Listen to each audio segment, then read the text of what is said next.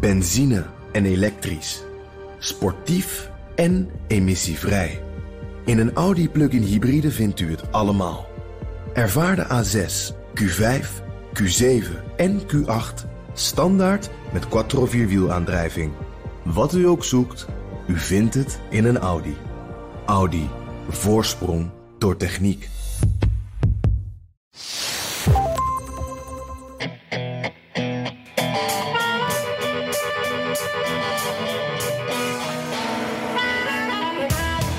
Democratische kandidaten kijken al maandenlang vol afgunst naar het spotjesbombardement van Michael Bloomberg. Nu konden ze eindelijk iets terugdoen, want Bloomberg deed voor het eerst mee in een debat. En kon zich dus niet meer verschuilen achter zijn enorme portemonnee. En president Trump scheert langs de randjes van het toelaatbare als het gaat om rechtsstaat. Of gaat hij er al overheen? Dit is aflevering 20 van de Amerika-podcast. Ik ben Bernard Hammelburg vanuit de podcaststudio in Amsterdam. Ja, en ik ben uh, Jan Posma in Washington DC aan de keukentafel. En uh, Bernard, ik ben een klein beetje gaar. Uh, ik heb natuurlijk dat debat zitten kijken vanuit de trein terug uit jouw stadje, New York. En uh, ik wil je gelijk even wat, wat voorleggen, want daar gebeurde me iets wat me steeds vaker overkomt. Ik zat er met uh, Barbara samen te werken in een koffietentje en een vrouw naast ons die zag dat wij journalisten waren en begon toen een heel relaas over de huidige president en de staat van het land. Voeterde echt op Trump, wilde ook heel graag van ons horen uh, hoe slecht het wel niet was wat, Trump allemaal deed. wij natuurlijk heel terughoudend als, als journalisten. nou, dit is natuurlijk maar de helft van het land, maar het valt mij op, dit gebeurt mij steeds vaker. En het begint me echt een beetje, uh, het roept een beetje herinneringen op aan de Bush-periode tijdens de Irak-oorlog. Toen Amerikanen ook wel eens naar me toe kwamen van, uh, ja, sorry voor onze president, sorry, dit is niet wat wij willen. Echt een beetje uh, schaamte eigenlijk. en vaak ook die excuses dus. Ik vroeg me af, is dat voor jou ook een beetje herkenbaar? Zeker, zeker, zeker, zeker, zeker. Natuurlijk, hè, je, je, weet, ik, ik woon in New York in de Upper West Side en we hebben het daar wel eens meer over gehad, maar daar kun je nog met een vergrootglas geen republikein vinden. Die zijn daar gewoon niet. Uh, en ook daar is het heel vaak van dik hout zaagt men planken. Uh, zeker als ze weten wat ik doe, want dan roepen ze meteen dat wij veel harder ons best moeten doen om uit, om uit te leggen wat een ongelofelijke schurk Amerika regeert. En dan leg ik altijd heel geduldig uit. En dat is ook het antwoord een beetje wat jij zegt. Je zegt ja, dit is de ene helft van het land. Zo is het nou maar precies. En het is jouw en mijn taak om een goede weging te maken en ook die andere kant van het land te begrijpen en uit te leggen. Want daar gaat het om. Uh, en wat betreft de vergelijking met uh, Bush 2, ja, helemaal. Uh, en daar zit ook iets troostends in, hè? want de Amerikanen schaamden zich kapot. De Europeanen waren voornamelijk boos. Hij werd zelfs een aantal, ja. hè, door heel veel Europeanen werd hij een oorlogsmisdadiger genoemd. Met zijn massavernietigingswapens. Maar op het moment dat Obama werd gekozen. Toen ging er een soort van zucht van verlichting om. En toen had iedereen iets van: ach, nou ja. Ach, het viel ook eigenlijk allemaal wel weer mee. Het is allemaal wel weer een stukje vergeten. En dat moeten we onthouden, dat beeld. Want uh, ook als mensen bezwaar hebben tegen Trump, zoals heel veel New Yorkers. Of, of Washingtonians trouwens. Of Bostonians, ja. daar hoor je ook veel. Hè? Maar zelfs als dat zo is. Uh, niks duurt altijd. En als hij nu wordt herkozen, ja, dan is hij over 4,5 jaar uiteindelijk toch weg. En dan komt er misschien Pete Buttigieg of Nikki Haley of iemand anders, jong en hip en leuk. Komt wel weer goed, denk ik dan. Toch? Ja, ja, en ja. dan is de andere helft van Amerika natuurlijk uh, een beetje teleurgesteld. En die zal zich misschien een beetje schamen. En zo uh, ja, is er altijd een kant ontevreden en tevreden. Ja, maar we moeten ook eerlijk zijn. Zo, zo, zo hard als op het ogenblik maak je het niet vaak mee. Hè. Je moet echt wel teruggaan tot de tijden van Johnson en, en Goldwater. Om, om zo een harde, verharde, gepolariseerde samenleving te zien als nu. Dat, dat vind ik wel. Nou, um, meer over Trump zo dadelijk natuurlijk. Eerst even over de Democraten, Jan. Uh, die, ja, hadden vannacht weer, die hadden vannacht weer een debat. Uh, maar het was bijzonder, want daar zagen we voor het eerst Michael Bloomberg, de oud-burgemeester van New York. En ik heb gekeken, jij hebt ook gekeken. We hebben allebei weer vierkante ogen. Hij had het niet, hij had het niet makkelijk, hè? Nee, nee, inderdaad. Ja, vierkant en, hele kleine oogjes, uh, moet ik zeggen. Het, uh, uh, ja, het was echt... hij was de kop van Jut, hè. Alle ballen op Bloomberg. En dat was ook te verwachten natuurlijk. Want ja, je zei het al, hij, hij, hij, stond steeds een beetje half aan de zijlijn eigenlijk. Hè. Met al zijn spotjes deed hij toch mee, maar hij stond niet bij de debatten. hij steeg ook in de peilingen. Dus de andere kandidaten zien hem ook nu echt als een concurrent. dus hij kreeg het inderdaad zwaar. Vooral in het eerste uur viel mij op, was hij echt een boksbal van alle kandidaten. En uh, de hardste aanval kwam van Elizabeth Warren. Die ging echt helemaal los. A billionaire who calls women fat broads and horse-faced lesbians. And no, I'm not talking about Donald Trump. I'm talking about Mayor Bloomberg.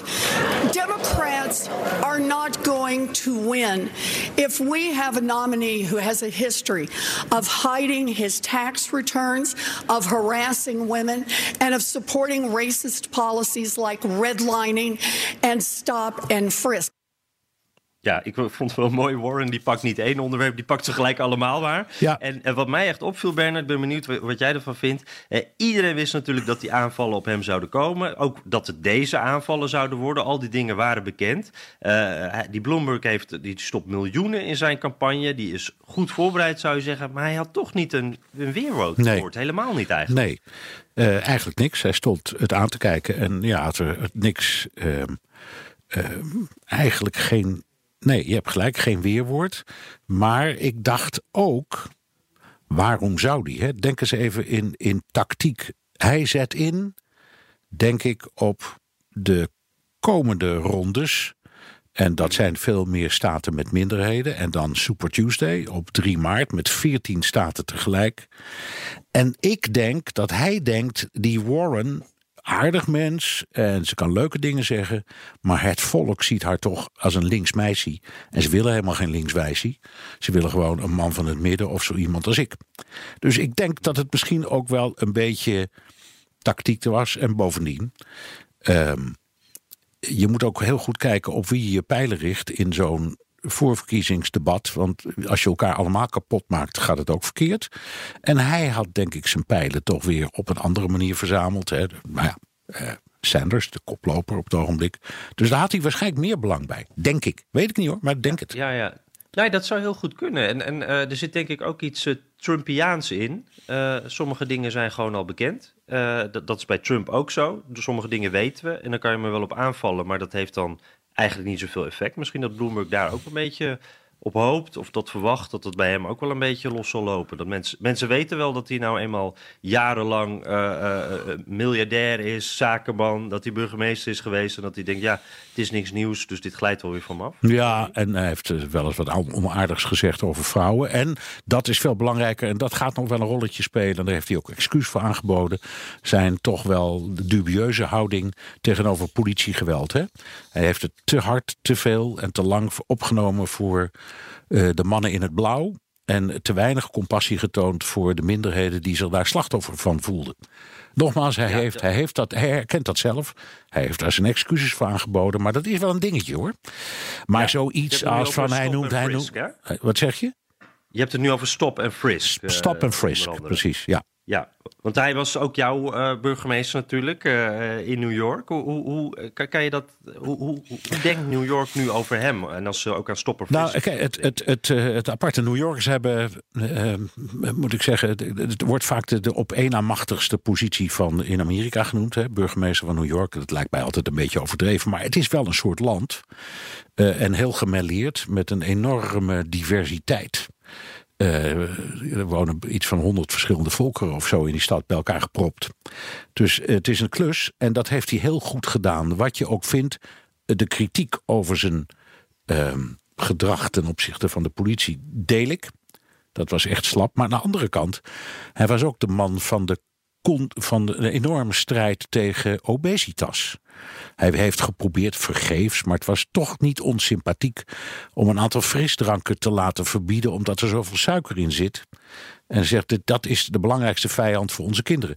Hij heeft enorm gevochten voor vergroening. Uh, dat hele programma om de yellow cabs, de gele taxis, allemaal hybride te maken, dat kwam uit zijn koker.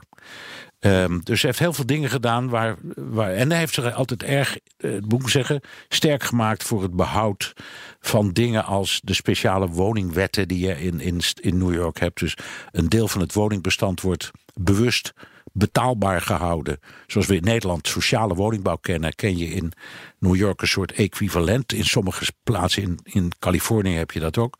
Dus dan, dan, dan wordt er de, de, de huur in feite 50 jaar niet verhoogd of zo. Hè? Dat soort dingen, daar heeft hij zich allemaal zeer druk voor gemaakt. Dus je werd gezien als een goede leider, als een man die onder alle omstandigheden de rust wist te behouden. Ook wel een inspirerende man.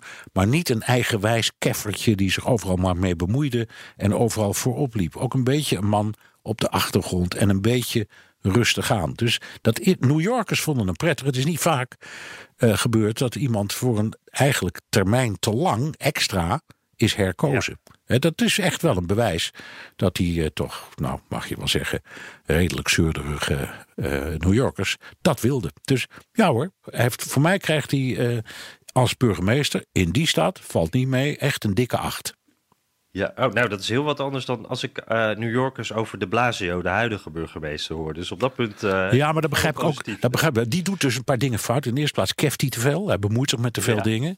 Het is een hele linkse man. Daar is op zichzelf niks op tegen. Dat mag allemaal best. Maar hij uh, is te veel activistisch. En dat valt, dat weet jij ook, in Amerika überhaupt niet zo lekker bij mensen. Mm. Maar het, het valt zeker niet lekker bij New Yorkers. Want die zeggen: luister eens, iedereen heeft het recht erop om activist te zijn. Zolang het maar New Yorkse burgers zijn. De rest van het land moet ze mond houden, inclusief de burgemeester. Ja, ja, ja, ja. ja.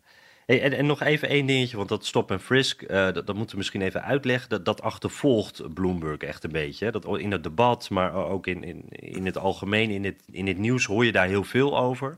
Uh, dat is eigenlijk een beetje, ja, het was een manier om heel, waarop heel, mensen heel makkelijk gefouilleerd konden worden op straat. En in de praktijk uh, trof dat vooral zwarte New Yorkers. En die ja. konden dan ook heel makkelijk vastgezet worden. Dus daarvan werd gezegd dat was eigenlijk racistisch. Hoe, hoe, hoe moeten we die Bloomberg uh, in, in dat opzicht zien? Is hij gewoon zo zakelijk dat hij niet over dat soort dingen nadenkt? Waar, waar het andere Nou, hij, hij, zegt zelf, hij zegt zelf, ik heb gewoon een fout gemaakt. Een verkeerde beoordeling, dat kan. Uh, en een hele pijnlijke verkeerde beoordeling. Want het is overal, hè, in elke fatsoenlijke democratie, een punt of je iemand mag aanhouden zonder dat er uh, uh, redelijke verdenking bestaat. We hebben die discussie bijvoorbeeld in Nederland ooit gehad toen de, de, de drankcontrole voor auto's kwam. Mocht je zomaar iemand die op straat rijdt, waar geen, geen verdenking tegen is, mag je die aan de kant zetten en zeggen: blaas eens in een pijpje. Dat is destijds een enorme discussie geweest. Uh, en uiteindelijk, dat is typisch Nederlands, hè, zeiden, onze leiders, onze parlementen, uh, onze gemeentebesturen. Ja, want het algemeen belang is hier zo hoog zo groot dat we dat doen. En zo'n discussie had je in New York ook. En daar heeft hij gewoon de verkeerde kant gekozen. Er is enorme criminaliteit. Die is enorm gedaald in New York. En vond hij, een van de redenen daarvan, is dat je zomaar iemand op straat kan uh, uh, aanhouden als politieagent. En zeggen: Doe je armen opzij. Ik ga, ik ga even kijken of je wapens bij je hebt of drugs. Uh, en als het dan toevallig voornamelijk zwarte zijn. en er wonen meer zwarte in New York dan witte. ja, dan krijg je dit soort dingen. Ja, ja, ja, ja, en dat wordt hem nu uh, nagedragen. Ja. Uh, hey, en, en, nog eventjes terug naar het uh, debat, hè? Want, want, we hadden het er al over hoge verwachtingen van Bloomberg. Dit was eigenlijk het, dit was het eerste moment dat hij zich kon presenteren. Hè? Naast alle uh, eigenlijk, hij presenteert zichzelf al de hele tijd via allerlei video, uh, allerlei spotjes. Uh, maar dat was een soort, ja, dat is eigenlijk een soort Disney-versie van zichzelf, hè? een soort, soort superhelden-versie. Dit debat was eigenlijk het eerste serieuze moment waarop dat ook doorbroken kon worden en de andere kandidaten daar wat aan konden doen aan dat beeld. hoe, hoe is hij daar uitgekomen volgens jou? Ik, ik, nou ja, ik weet het niet. We gaan direct, dat is, dat is jouw ding altijd, ongetwijfeld nog wel even kijken naar de peilingen. Maar uh, mijn, eigen, ja. mijn eigen indruk was dat hij er redelijk uitkwam. Niet zozeer door zijn prestatie, maar door twee dingen. In de eerste plaats, zoals jij zegt, nu, we zien hem nu echt. En als je hem zo ziet, denk je, ja, ik weet niet of het nou heel goed of niet zo goed is, maar dit is wel een echte kandidaat. Er staat wel iemand. Het is niet, het is niet meer. Ja, het is geen Disney-figuurtje om jou te citeren. Het is gewoon een, een man met duidelijk. En het is ook een, een, een ja, mannetjesputter. Dus, eh, dus, dus, dus ik denk dat wanneer je democraat bent en je zoekt, dat je denkt, nou, ik had het eigenlijk nog niet zo bedacht, maar het zou een best eens kunnen worden. dus dat effect zat er heel uh, duidelijk in, vind, vind ik. Ja, nee, ik ben het eh, helemaal met je eens. En dat, dat is wel uh, grappig, want ik, ik, ik uh, opende de, kranten vanochtend hier en die zijn allemaal vernietigend. Vooral de New Yorkse tabloids natuurlijk. Die gaan helemaal los op Bloomberg. Ja. Um, maar alle commentaren zijn eigenlijk van, nou ja, die man was niet voorbereid en, en uh, die, die, die is op zijn muil gegaan eigenlijk. En dat gebeurde ook, denk ik, echt wel in dat eerste uur. Dat, dat hij inderdaad een beetje op zijn, uh, op zijn muil ging. Maar het, het lijkt toch wel dat hij aan de verwachtingen, verwachtingen heeft voldaan. Ja. Want, ik denk dat niemand had het makkelijk gehad als, als kop van Jut. Hè. Dat, dat zou hij sowieso worden. En ik heb ook het gevoel dat het eigenlijk misschien niet zoveel uitmaakt. Want uh, Bloombergs grootste politieke kwaliteit blijft natuurlijk zijn geld. Uh, en het valt me op dat democraten die, die achter hem staan, hem om die reden ook heel veel vergeven. En ik heb het idee dat dus ook zo'n uh, debatprestatie. Nou ja, hij is niet, hele, niet helemaal door het ijs gezakt, dus het was goed genoeg. En verder nou ja, maakt het dan misschien ook niet helemaal zoveel ja, en, uit. En, en zijn hele campagne tot nu toe was more to come. Hij, hij is nog, nog maar nauwelijks gestart. Dit was zijn eerste openbare optreden in deze zin. En hij heeft in de afgelopen maanden niet stilgezeten. Niet alleen die spotjescampagne, maar hij is ook door een aantal zuidelijke staten gaan reizen om contacten te hebben en te leggen en te discussiëren met bijvoorbeeld heel veel zwarte en Latino-Amerikanen. Heel slim vind ik dat. Op, op, op, op plekken waar het op dat moment helemaal niet zo speelde, maar gewoon als tactische stap van uiteindelijk hè, 12% zwart, 17% Latino, dat is samen een derde van het electoraat.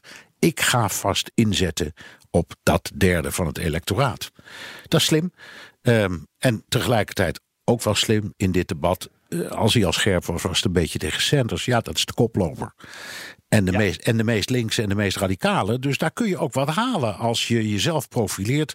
Als laten we zeggen de man van het redelijke midden. Dus dat was helemaal niet zo gek. Ja, en eh, natuurlijk de man die eh, eh, socialist is, Bernie Sanders, eh, zelfverklaard socialist, maar eh, ook eh, miljonair. En de- daar had eh, Bloomberg wel een mooie aanval eh, op. The best known socialist in the country happens to be a millionaire with three houses. What I miss here? Well, you'll miss that I work in Washington, House One. That's the first problem. Live in Burlington, House Two. That's good. And like thousands of other Vermonters, I do have a summer camp. Forgive me for that. Where is your home? which tax which tax haven do New you York, have your home? New York City, thank you very much, well, and I pay all my taxes. Ja, het is fantastisch hè, dit. Ja. Mooi, hè? ja, maar het is ook, allebei hun argumenten zijn fantastisch. Ja. Hè, als je nou, hè, Bloomberg zegt, joh, wat, wat, wat zit jij je nou mooi te maken als socialist? Je bent gewoon schat helemaal rijk en je hebt het ene huis na het andere. En dan zegt Sanders, ja, hé, hey, wat denk je dat het hier kost? Eh, dat is allemaal best betaalbaar. En jij dan? En dan komt hij meteen bot erbovenop terug. Zegt hij, ja, in New York en ik betaal gewoon alle New Yorkse belastingen. En Jan Posma, laat mij jou vertellen, de belastingen in New York zijn verdomd hoog hoor. ja. Dat is echt zo. Daarom Dus is Trump daar ook weg natuurlijk. ja, het is een van de, een van de duurste eh, plekken in, in Amerika om te wonen. Ik geloof alleen Alaska is duurder en dan heb je het gehad. Dus het is. eh, eh, ik vond, het, ik vond hem op dit punt eigenlijk. eh, dit, dit kleine stukje zeg ik ja, dat, dat, het, winnen, het winnende streepje komt voor mij achter Bloomberg in, in, in dit rondje. Ja, ja, ja, ik vond dit ook dit, eh, fantastisch moment. En ik denk dat heel veel kijkers, en dat, dat hebben jij en ik natuurlijk ook, dat, dan, dan vervang je in je hoofd toch even Bernie Sanders voor Donald Trump.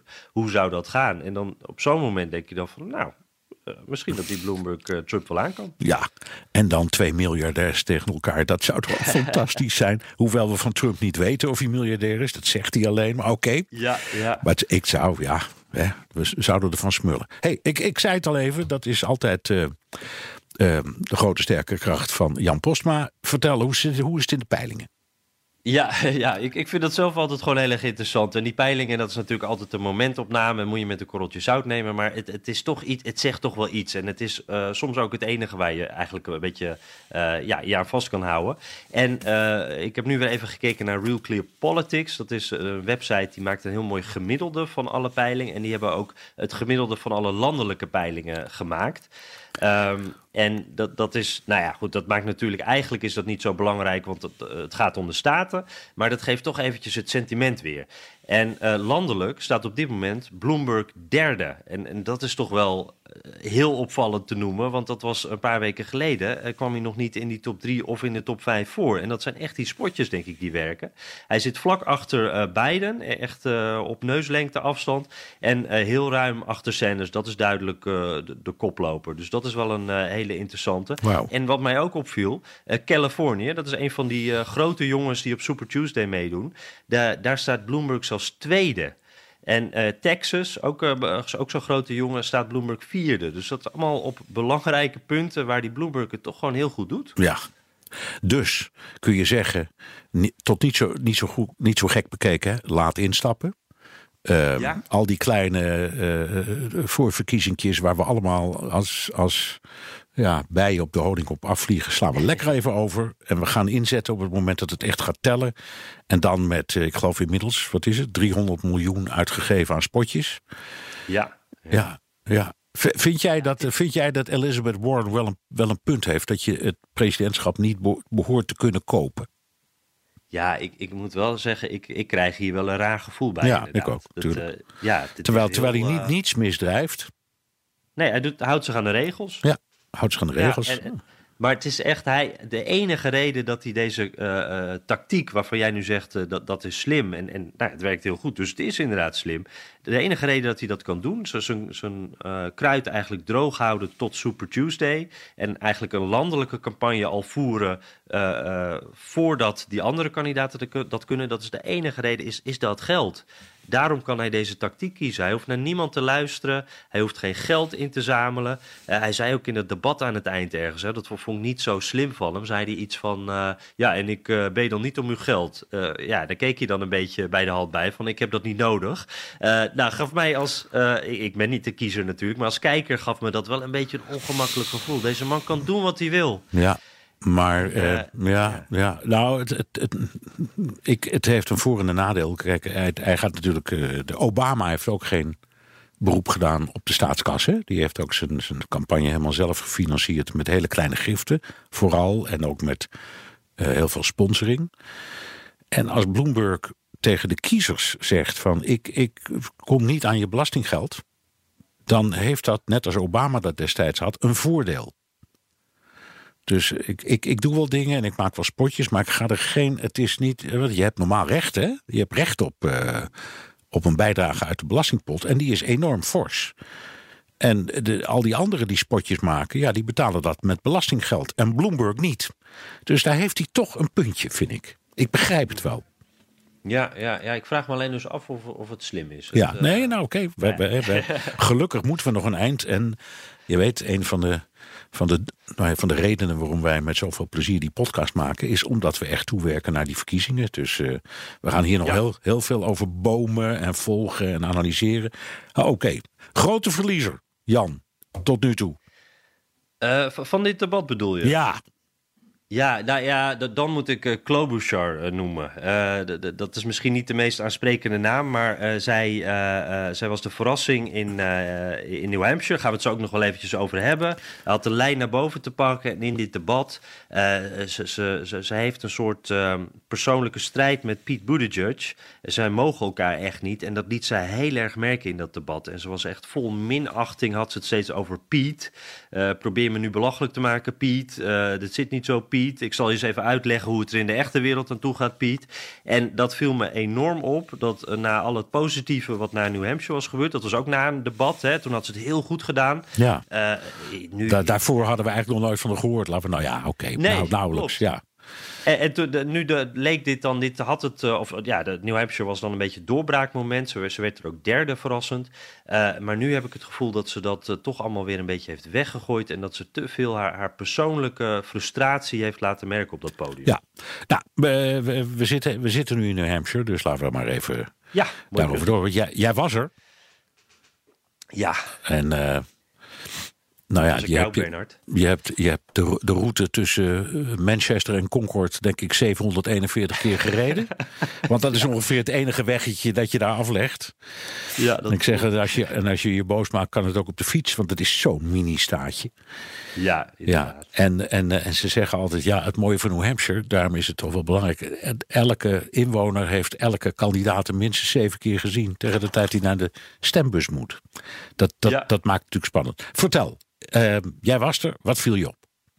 Nou, eh, een paar algemene dingen die me opvielen. Dat, dat de mensen daar echt heel laat kiezen. Kozen. Eh, dat- was in Iowa echt wel anders. Daar, daar waren mensen al wat, wat verder. Die hadden vaak wel een top drietje of zo. En hier, eh, tot, bijna aan de, de, tot de dag zelf, als je iemand vroeg. Ja, ze wisten het eigenlijk nog niet. Ze twijfelden nog. Heel veel waren ook tactisch bezig. Van wie, wie is nou het slimste om op te stemmen? En wie kan winnen? Niet alleen wie vind ik de beste. En eh, eh, wat ik ook heel veel hoorde, nog meer dan in Iowa, was heel veel supporters die zeiden, of heel veel kiezers moet ik zeggen, die zeiden: eh, ik, ik wil meer eenheid, ik wil rust, ik ben klaar met dit gedoe. Alleen de Sanders supporters, dat zijn eigenlijk de uitzondering eh, daarop, die, die willen vooral een soort revolutie natuurlijk. Ja. Dus, dus die willen wa- wat anders, maar, maar het was echt, mensen waren een beetje moe en, en ze wisten dus ook nog niet wie dan de oplossing was om voor rust te zorgen, zeg maar. Ja. Dus dat, eh, dat vond ik wel interessant om te zien. Je, je bent natuurlijk naar verkiezingsbijeenkomsten gegaan, want dat, dat is altijd een lol ook van die, van die voorverkiezingen. Dus vertel eens, waar, waar ben je langs geweest en wat waren je indrukken? Ja, ja ik zal, zal het even snel doen. Eh, eh, ik ben bijvoorbeeld bij Biden geweest deze keer. Die hadden we in Iowa even overgeslagen, omdat we al ook naar de, de start van zijn campagne waren geweest. En wat, wat me daar heel erg opviel, eh, het publiek daar lijkt dus enorm op de kandidaat. Die zijn ouder, heel serieus, soms echt een beetje verbeten. van ja, het gaat niet goed met dit land. Joe Biden kan er wat aan doen. Waarom ziet de rest van het land dat nog niet? Het was een volle zaal, een, een gymzaaltje bij een kerk. Eh, maar wat me daar dan ook wel weer heel erg opviel, eh, was Biden zelf. Eh, die, sprak maar heel kort, het was een heel lang voorprogramma. En als hij dan zelf aan het woord kwam met een, zo, zo'n autocue erbij, dus hij deed het niet eens uit zijn hoofd, wat, wat heel raar is. Nee, dat is niet raar, want dat kan hij niet. Nou ja, nou ja daar, daar sla je de spijker op de kop. Ja. Maar alle kandidaten doen het uit hun hoofd. Want die hebben dit allemaal al 500 keer gedaan. En Joe Biden ook. Maar hij, hij, het lukt hem dus gewoon Nee, niet. weet, je- weet, je, weet, je, weet je wie dat ook doet? Donald, Donald Nou, Trump. Ja, ja, dat Ja. is waar. Maar ja, die, die kan dan wel eh, nog eens een beetje af. eh. Ja, natuurlijk, omdat hij die schiet alle kanten uit. Maar die tekst die staat in koeienletters, want hij is zo ijdel als de pest en wil geen leesbril op. Maar in koeienletters op zo'n eh, autocue, hè? Ja, Ja, maar goed, Biden, Biden, dus, bejaard, bejaard publiek. Eh, Beetje hetzelfde als je, of je- als, alsof hij in de spiegel kijkt. Zelf, zelf niet echt eh, prominent. Ehm, En, ja, en, en een groot contrast ook eh, was bij met bijvoorbeeld Elizabeth Warren, die natuurlijk ook op leeftijd is, maar die heel veel energie had. eh, ook een volle zaal daar, had een hele goede uitleg ook van heel, hele moeilijke beleidspunten. Eh, ze ging maar door. I have a plan. I have a plan, ja, Ja, inderdaad. En dat dan tien keer. Maar het publiek hing echt aan haar, aan, aan haar lippen. En zij wist echt hele moeilijke dingen heel inzichtelijk te maken. En eh, het verbaasde me dus echt dat zij in New Hampshire niet beter deed in die peilingen. Want ze, die, die bijeenkomsten van haar waren echt heel, heel sterk. Eh, maar ja, uitleg is soms, eh, ze is natuurlijk ook eh, hoogleraar. En uitleg is soms niet waar een kiezer op zit te wachten. Nee. En nou ja, ook nog natuurlijk Klobuchar, die wil ik ook toch nog even. Ja, dat zei je net al. Die viel Ja. in, in, in Iowa geweldig mee en nu tegen. Ja, even in New, New Hampshire. eh, New Hampshire, nog sorry. Ja. Ja, inderdaad. Ja, en, en dat is dus wel een beetje eh, apart, die, die kleine opleving dan. Maar dat, dat, dat, dat was wel een mooi moment. Ik was daar op de uitslagenavond, omdat ik toch die verrassing even mee wilde maken. En het was leuk om gewoon daar even de mensen te horen hoe uitgelaten ze daar waren. Oh, I thought it was awesome. She did a very good. She had a very good speech, um, direct. I am very confident in her. I think she's going to win. Hello, America. I'm Amy Klobuchar, and I will beat Donald Trump. I was very excited by what she said. Uh, she continues to impress me, and I am very hopeful, hopeful, hopeful. It's a huge elevation to go from from um, uncertainty in Iowa to, to to this third place, a very very strong third place. I think probably a lot better than many people had thought would happen. I think she's in a great position. Well, it's doing a lot already, I'm sure. I'm sure a lot of people are going to start saying, oh, she needs our support. Oh, she's viable. Which is fabulous. Oh, she may be the person that we need to take forward. I'm really hopeful. And what would you expect of her as a president? What will she bring? I, I hope unity. I mean, we're a pretty divided country, but I'm really confident that uh, she has a really good shot at that. So she's centrist enough that I think that's going to make a huge difference. Wat, wat, Jan, leuke reportage. En wat, wat, kunnen, wat kunnen mensen die je gewoon even aan hun jasje trekt, toch geweldig formuleren in dat land? Ja, ja een heerlijk land Amerika op dat punt. Echt, iedereen wil praten. Mooi verhaal. Maar goed, dat, dit is niet helemaal wat jij. Je, je zei, je vond, je vond er uh, een beetje venijnig en maar tekeer gaan tegen Piet. Maar het beeld uit deze reportage is toch wel echt. Van hier staat wel een sterretje die op de handen wordt gedragen ja. door de. Uh, door de uh, uh, supporters.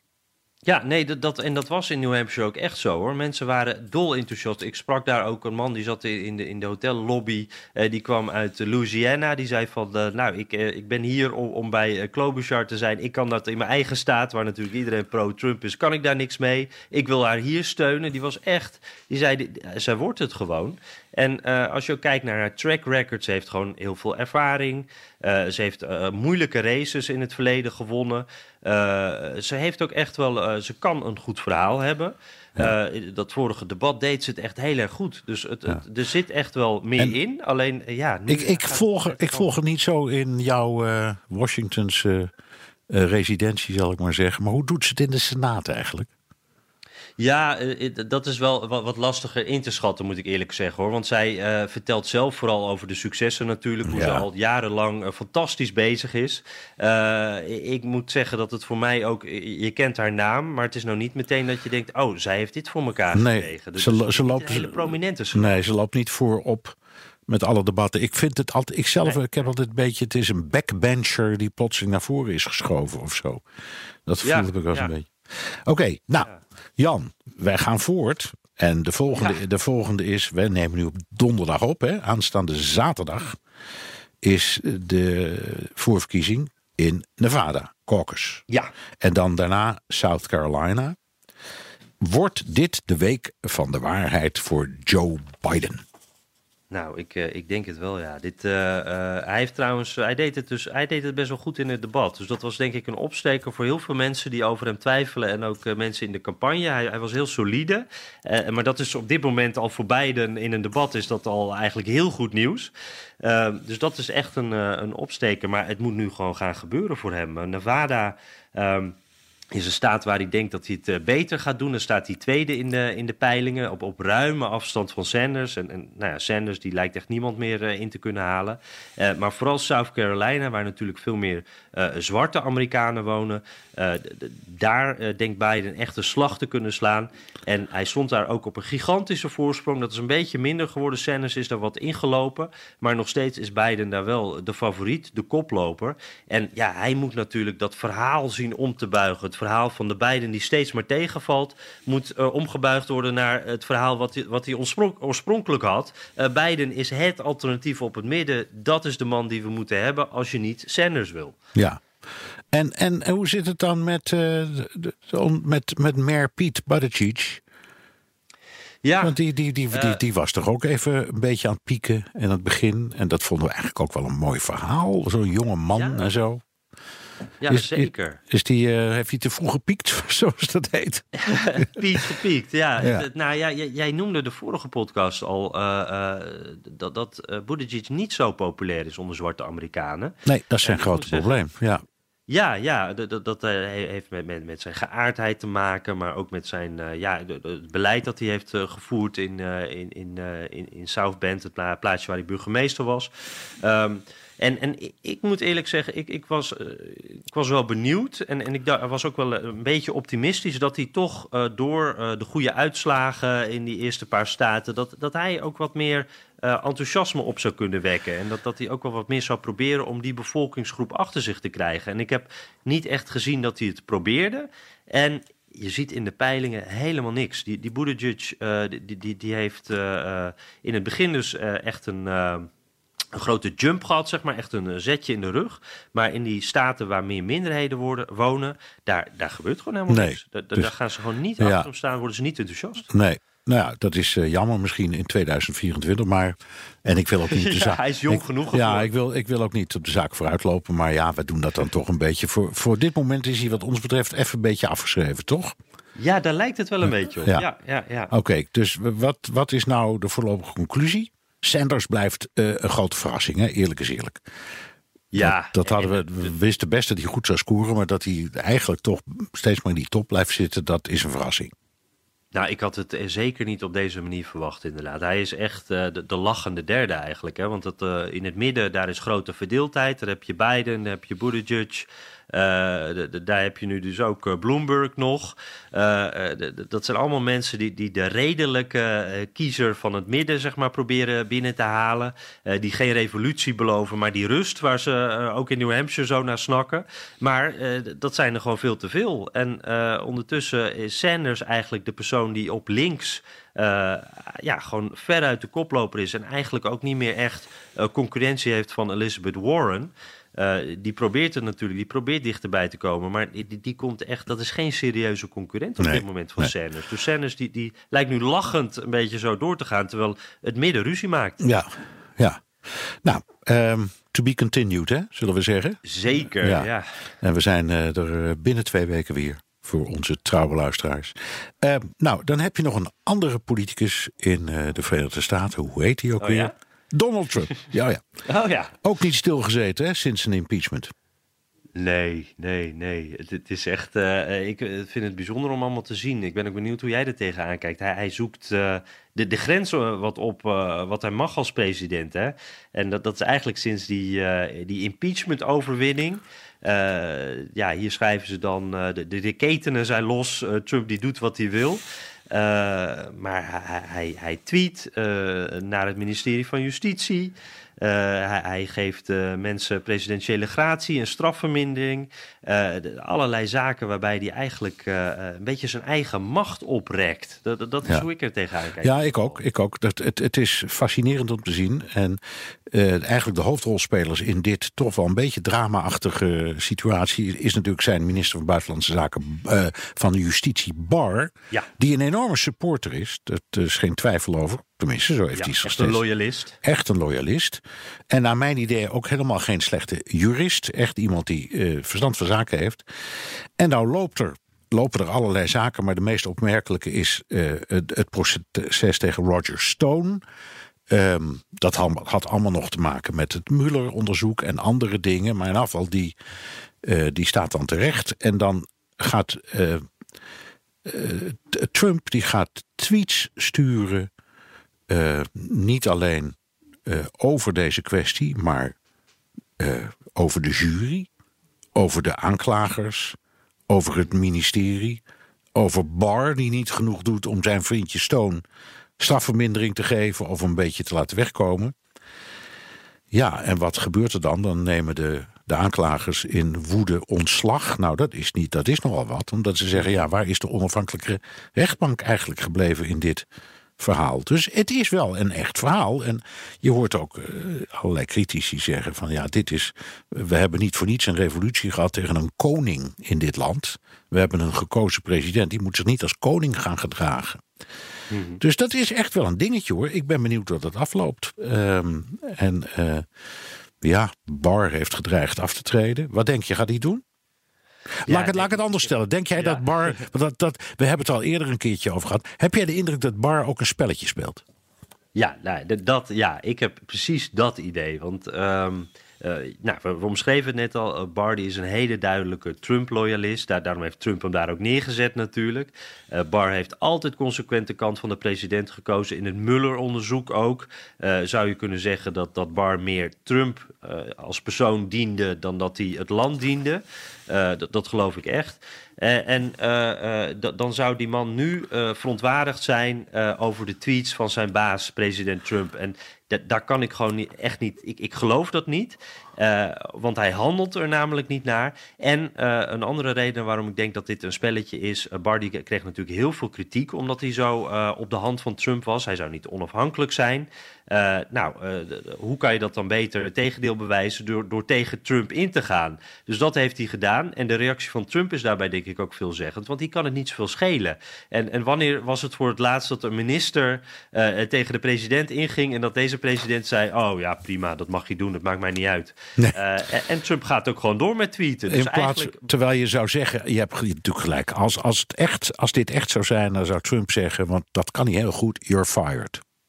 Ja, precies. En, uh, en, en als Barr weg had, als Barr het niet eens was geweest met Trump, dan had hij ook al veel eerder uh, op kunnen stappen. En dan had hij dat denk ik ook wel gedaan. Want hij ja. weet precies waar hij voor gekozen heeft. En ja. volgens mij staat hij er helemaal achter. Ja, nou ja. Um, het, uh, Trump is dan in, ook in deze kwestie binnen zijn partij, binnen de entourage of de, of de coterie, toch weer helemaal de winnaar aan het worden.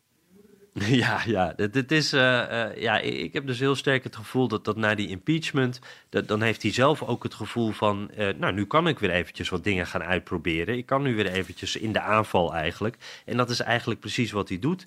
En de Republikeinse Partij heeft hem al een keer groen licht gegeven met die impeachment. En, en hij, hij probeert het gewoon een beetje uit. Hoe ver kan ik gaan? En ja. tot nu toe krijgt hij gewoon steeds groen licht. Dus hij kan gewoon doorgaan. Ja. Maar hij moet met zijn fikken afblijven van de onafhankelijke rechtbank. Vind je niet? Ja, nou, in, in een uh, democratisch land is dat toch uh, bijzonder belangrijk, zou je zeggen. Ja. Heb, ben, heb, als jij dit met het verleden ergens met een moment zou moeten vergelijken... Ik, ik kon het niet echt verzinnen. Ik, ik, kan me niet herinneren dat de president op deze manier nee. zich met de rechtspraak bemoeide. Nee, ik ook niet. Uh, meestal bewaren ze dat voor gelegenheden. Hè? Bijvoorbeeld uh, ja, die uh, gratie waar jij het nu over hebt, en allerlei vriendjes. Dat gebeurt meestal aan het einde van een termijn.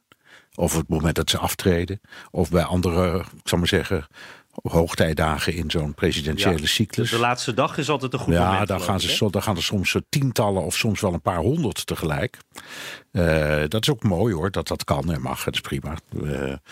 maar ehm, uh, dit kan ik mij niet herinneren. En ik ben ook gaan zoeken, ook, want we, we kijken altijd alleen maar naar de, naar de Tweede Wereldoorlog. Maar wat is er allemaal gebeurd in de, in de 18e en 19e eeuw? Maar, uh, en er zijn allerlei pogingen geweest. Er, is ook, er zijn ook discussies. Als je kijkt naar de, de Federalist Papers, vind je allerlei discussies over hoe ver iedereen mag gaan uh, bij dit soort dingen. Maar dit is bij mijn weten nog niet eerder gebeurd. Dus, nou ja, we maken het allemaal mee. En wat is het, ja. wat, wat is het allemaal spannend? Nou, ik, ik want uh, nog even over die, die uh, presidentiële gratie en die strafvermindering. Hè. Ik, ik, ik uh, nou, wat vooral een interessant geval is, is die Rod Blagojevich. Dat is echt trouwens, vind ik echt een van de moeilijkste Amerikaanse namen die, die je kan vinden.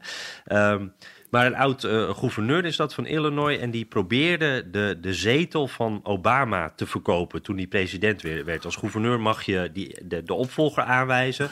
Uh, maar hij probeerde daar geld voor te vangen. Nou, dat, dat is. Uh, een jury vond dat dat bewezen was. Hij kreeg daar een gevangenisstraf voor.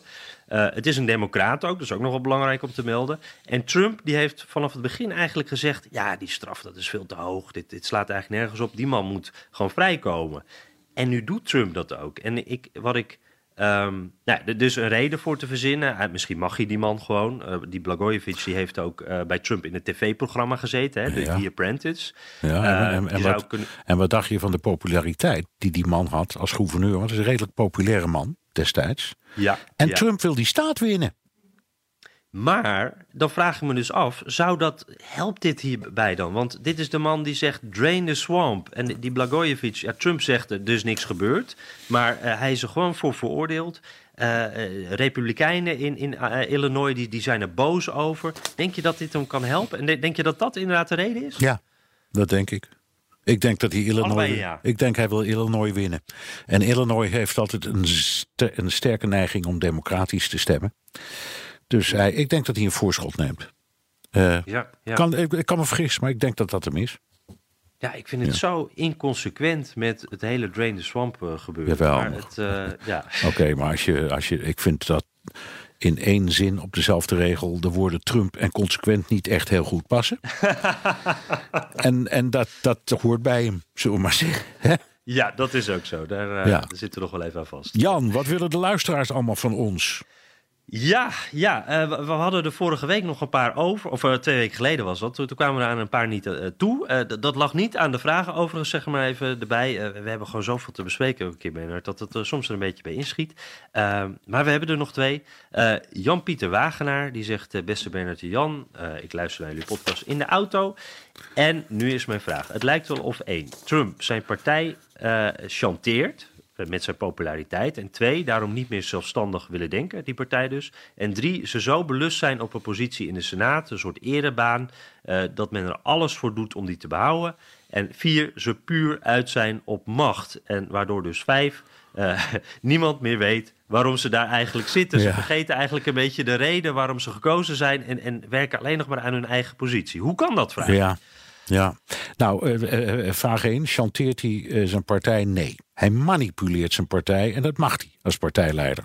Dat doet elke partijleider, denk ik, van elke politieke partij. Dus dat, daar kun je wa- wat van vinden. Maar ik, ik denk dat dat de normaalste zaak van de wereld is. Nancy Pelosi manipuleert haar eigen partij ook. En ik denk dat Lodewijk Asscher de Partij van de Arbeid manipuleert. En dat mag. Ehm, willen ze daarom minder zelfstandig denken? Dat vind ik wel een goeie. Ik denk inderdaad dat het een beetje een probleem is. Maar dat is altijd als je in een fractie zit. En zijn ze eh, eh, uit op het behoud van hun macht? Ja, iedereen. Hè, dat zeggen ze vaak. Plus is verslavend. Dat zal voor Amerikanen niet anders zijn. Alleen, ehm, het is wel een democratie. El- elke senator moet, heeft een periode van zes jaar. En dan moet hij worden herkozen. Of hij wordt verslagen. Dus uiteindelijk gaat de kiezer er gewoon over. En het laatste is onzin. Mensen niet meer weten waarom ze er zitten. We weten precies waarom ze daar zitten. De Senaat heeft in het eh, staatkundige proces een zeer belangrijke rol. En het gaat vooral om de grote lijnen, om benoemingen, om het buitenlands beleid. Eh, Het Huis van Afgevaardigden gaat in eerste plaats over geld en begrotingen. Die rollen zijn echt heel belangrijk. Mhm. Bedoelt u misschien ook de, de senatoren, dat die niet meer, eh, dat die uit het oog verloren zijn waarom ze daar eigenlijk zitten, wie ze dienen? Ja. Ja, ik, ik, ik hoop van niet. Eh, en ik, ik, ik betwijfel het ook. Het zijn er maar twee per staat. Het is heel anders dan het Huis van Afgevaardigden. Ze brengen heel veel tijd door in hun thuisstaat. Ze praten heel veel met hun eigen kiezers. Ik, ik ben daar eerlijk gezegd. Ik vind het ook af en toe heel wonderlijk en merkwaardig. Maar ik ben hier helemaal niet cynisch over. Ik denk dat het echt wel werkt. Het is eh, ook het systeem natuurlijk als een politicus gewoon heel populair is, als een president heel populair is, dat dan, dan die schaduw die gaat ook over de andere eh, politici. Dus dat, dat, is een beetje hoe het werkt, zeg. Tuurlijk wel. Ja. Ja, ja. Ehm, hij zegt trouwens ook nog, eh, het zou leuk zijn om eens vergelijkbare podcasts te hebben over andere machtsblokken. Toen dacht ik, hé, hey, wij hebben bij BNR de China-podcast, de Perestroikast. En eh, Jan-Pieter Wagenaar, ik weet niet of je hem al kende, maar De Wereld eh, van Bernard Hammelburg, eh, die eh, heeft ook een hele mooie podcast. Dus, Ja, eh, hoor. die kan je altijd eh, downloaden. Ja hoor, en eh, ik hoop dat hij luistert, want ze zijn hartstikke populair, die eh, China-podcast en de Perestroikast. En ook ontzettend leuk, moet ik zeggen. Ja, zeker de moeite waard. Eh, even kijken. Lodewijk Hof, eh geachte, geachte me- meneer Hammelburg, beste Bernard. Hij schrijft: Ik ben eh, verbaasd over hoe het allemaal misgaat in Iowa. Ja, dit was natuurlijk een vraag van twee weken geleden. Ja, ik snap het, hij wordt daar ongerust van. Hij noemt ook potentiële verkiezingsfraude. Eh, ja, het speelt natuurlijk nog steeds een beetje Iowa. Hè? Ze Ja. zijn de hertellingen van de hertellingen aan het doen. Eh, heb jij nog een beetje vertrouwen dat dat, eh, naast alle fouten die zijn gemaakt, dat dat wel eerlijk is? Ja, ook, ook, ook hierin ben ik niet zo cynisch. Ik ken Lodewijk Hof, die schrijft wel eens meer. En hij is heel actief ook, ik zou maar zeggen, als een soort van collega. Hij, ma- hij maakt zijn eigen, ook, ook eigen programma. ook, hè? Hè? Radioprogramma. Een studio. radioprogramma, ben precies. Ehm, ik, ik ben ook hier minder cynisch over. Ik denk gewoon dat het een, wat, wat ze in eh, beschaafd Amerikaans een clusterfuck noemen. Dat is wat er, dat is wat er in Iowa is gebeurd. Alle, Murphy's Law in de praktijk. Alles wat fout kon gaan, is fout gegaan. Ehm, en ik, ik geloof niet in eh, de fraude. Eh, zeker al omdat de tellingen en de hertellingen en alle, het ligt allemaal vlak bij elkaar. Dus eh, de- de- je ziet geen grote lijn. En het is ook allemaal. We zijn nu alweer een eindje, dat kun je zien. Wat dat betreft is het toch leuk hoor. Een paar weken te laat die vraag beantwoorden. Je ziet hoe het allemaal nu alweer opschuift. Dat is waar, dat Ja. is waar. En, en laat het maar even gezegd zijn dat, dat de, de eerste persoon die het woord fuck heeft gebruikt in deze podcast, dat dat gewoon Bernard Hammelburg was. Ja, nou, clusterfuck is net weer iets anders dan fuck. Maar goed. Net iets erger misschien. Ja, Nou, ja, ja, ja, een opeenstapeling van tegenslag, zal ik het netjes zeggen dan. Hè? Ja. We, we moeten nu zo'n stickertje moeten we op onze podcast plakken. Zo is dat, Niet ja, voor minderjarigen. boven de 12. Ja, Ja. oké. ehm, we eindigen altijd met een eh, verhaaltje over iets wat met Nederland te maken heeft. Een Nederlands-Amerikaans onderwerp. Niet zo vrolijk dit keer, hè Jan? Nee, het, ik vind het een beetje sneu zelfs, eh, moet ik zeggen. Het gaat namelijk eh, over Ron Jans. Dat was een rel eh, die, die deze week speelde hier in de VS. Nederlandse trainer, ontslagen bij FC Cincinnati. Eh, en dat is een ploeg waar ook een paar Nederlanders spelen. Ook net een nieuwe Nederlander binnengehaald. Die dus nu zijn Nederlandse coach eh, meteen, eh, ja, daar meteen afscheid van kan nemen. Ze hebben ook een leeuw als logo. Dat is ook wel grappig. En de kleuren blauw en oranje. Dus het is echt bijna een beetje Nederland in een uitshirt. Maar het is dus wat minder oranje geworden. Want Jans die, zong een rapnummer mee. Dat is het verhaal in de kleedkamer. En daar kwam het N-woord in voor. Nou ja, iedereen die een beetje interesse in Amerika heeft... die weet meteen welk woord ik bedoel. Een speler diende een klacht in bij de vakbond. En het is eigenlijk gewoon game over voor eh, Ron Jans. Die moet Ja. meteen weg. Eh, de, de club die zegt ook dat er veel meer aan de hand is. Nou, die zeggen dat dat verhaal dat het, ja, dat, dat, dat dat niet gebeurde in het meezingen van eh, een liedje met de spelers. Maar dat, ja, het- dat, dat is de uitleg die, die Jans gaf inderdaad. ja, ja. Ja, dus de, de, de club zegt nou nee, het was net een graadje erger. En we hebben en het uitschelden van zwarten in dit land mag niet meer. Eh, En het blijkt wel overigens hoe gevoelig dat allemaal nog ligt. Hè? Ik, ik, had, ik had, omdat ik weet dat je ermee kwam, een lijstje gemaakt van succesvolle Nederlandse sporters. Maar die, dat laat ik even liggen voor de volgende. ja, ik Want, ben benieuwd. want we, zijn- we zijn alweer eh, tegen de 50 minuten aan het praten, Jan Posma. Ja, ja, het is weer mooi. Ik wou nog wel even over Jans zeggen trouwens, want ik heb hem ook een paar keer zelf gesproken toen ik nog sportverslaggever was. En ik moet wel zeggen, ik geloof meteen dat dit per ongeluk was. Het was wel heel erg dom, want het ligt, zoals je zegt, heel gevoelig in de VS. En we zijn in Nederland op dat punt, ja, er wordt daar toch ietsje makkelijker naar gekeken, denk ik. Maar in de VS, ja, het kan gewoon niet. En dat, dat ja, had hij wel moeten weten. Ja. Dus eh, dom, maar eh, het is niet anders. Nee, en het, dat, is- dat is opmerkelijk. De enigen die het wel mogen, zijn zwarten. Die, Ja, noem- die noemen elkaar zo. Ja, het, is natuurlijk een geuzennaam. Hè? Het is een geuzennaam, Eh, precies. ja. Ja. Nou ja, er zijn een paar hele goede stukken over geschreven eh, waarom dat zo is. En eh, nou, die, die zal ik ook tweeten en daar kunnen we het later misschien nog wel een keertje over hebben. Want voor nu was het hem weer eventjes. Eh, je gaf de aanzet al. Eh, deze aflevering van de Amerika-podcast. We zitten er weer doorheen, eh Bernard. Ja, via de BNR-app of de site kun je heel makkelijk op de podcast abonneren. Kan ook via iTunes en Spotify. We genieten altijd van recensies. Jan, heb je wat gevonden? Jazeker. Eh vijf sterren van Jeroen van Nierop. En Oh, dat is niet genoeg. eh, vif- nee, we willen tien en Ja. niks minder. Hij zegt eh 50 states to love the country. Dit jaar maak ik de 50 vol qua bereisde US states. Maar jullie podcast verschaft mij de verdere benodigde diepgang. Thanks. En ik, zit jij al op de 50, Bernard? Nee, 49. Ik ben nooit in North Carolina, ik ben nooit in North Dakota geweest. Oh ja, daar is ook helemaal niks natuurlijk. Dus dat Ja, Fargo. Maar ja, Nou, eh, toch een keer in dat vliegtuig. Ja. ja.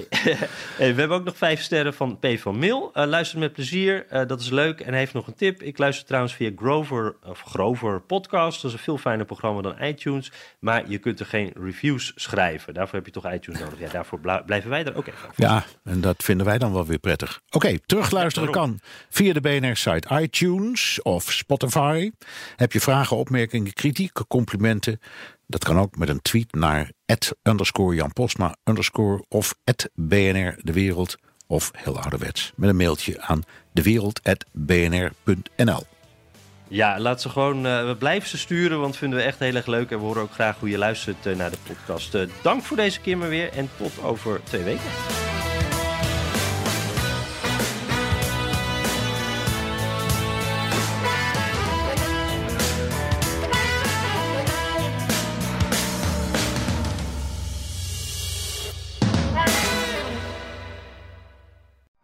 Benzine en elektrisch.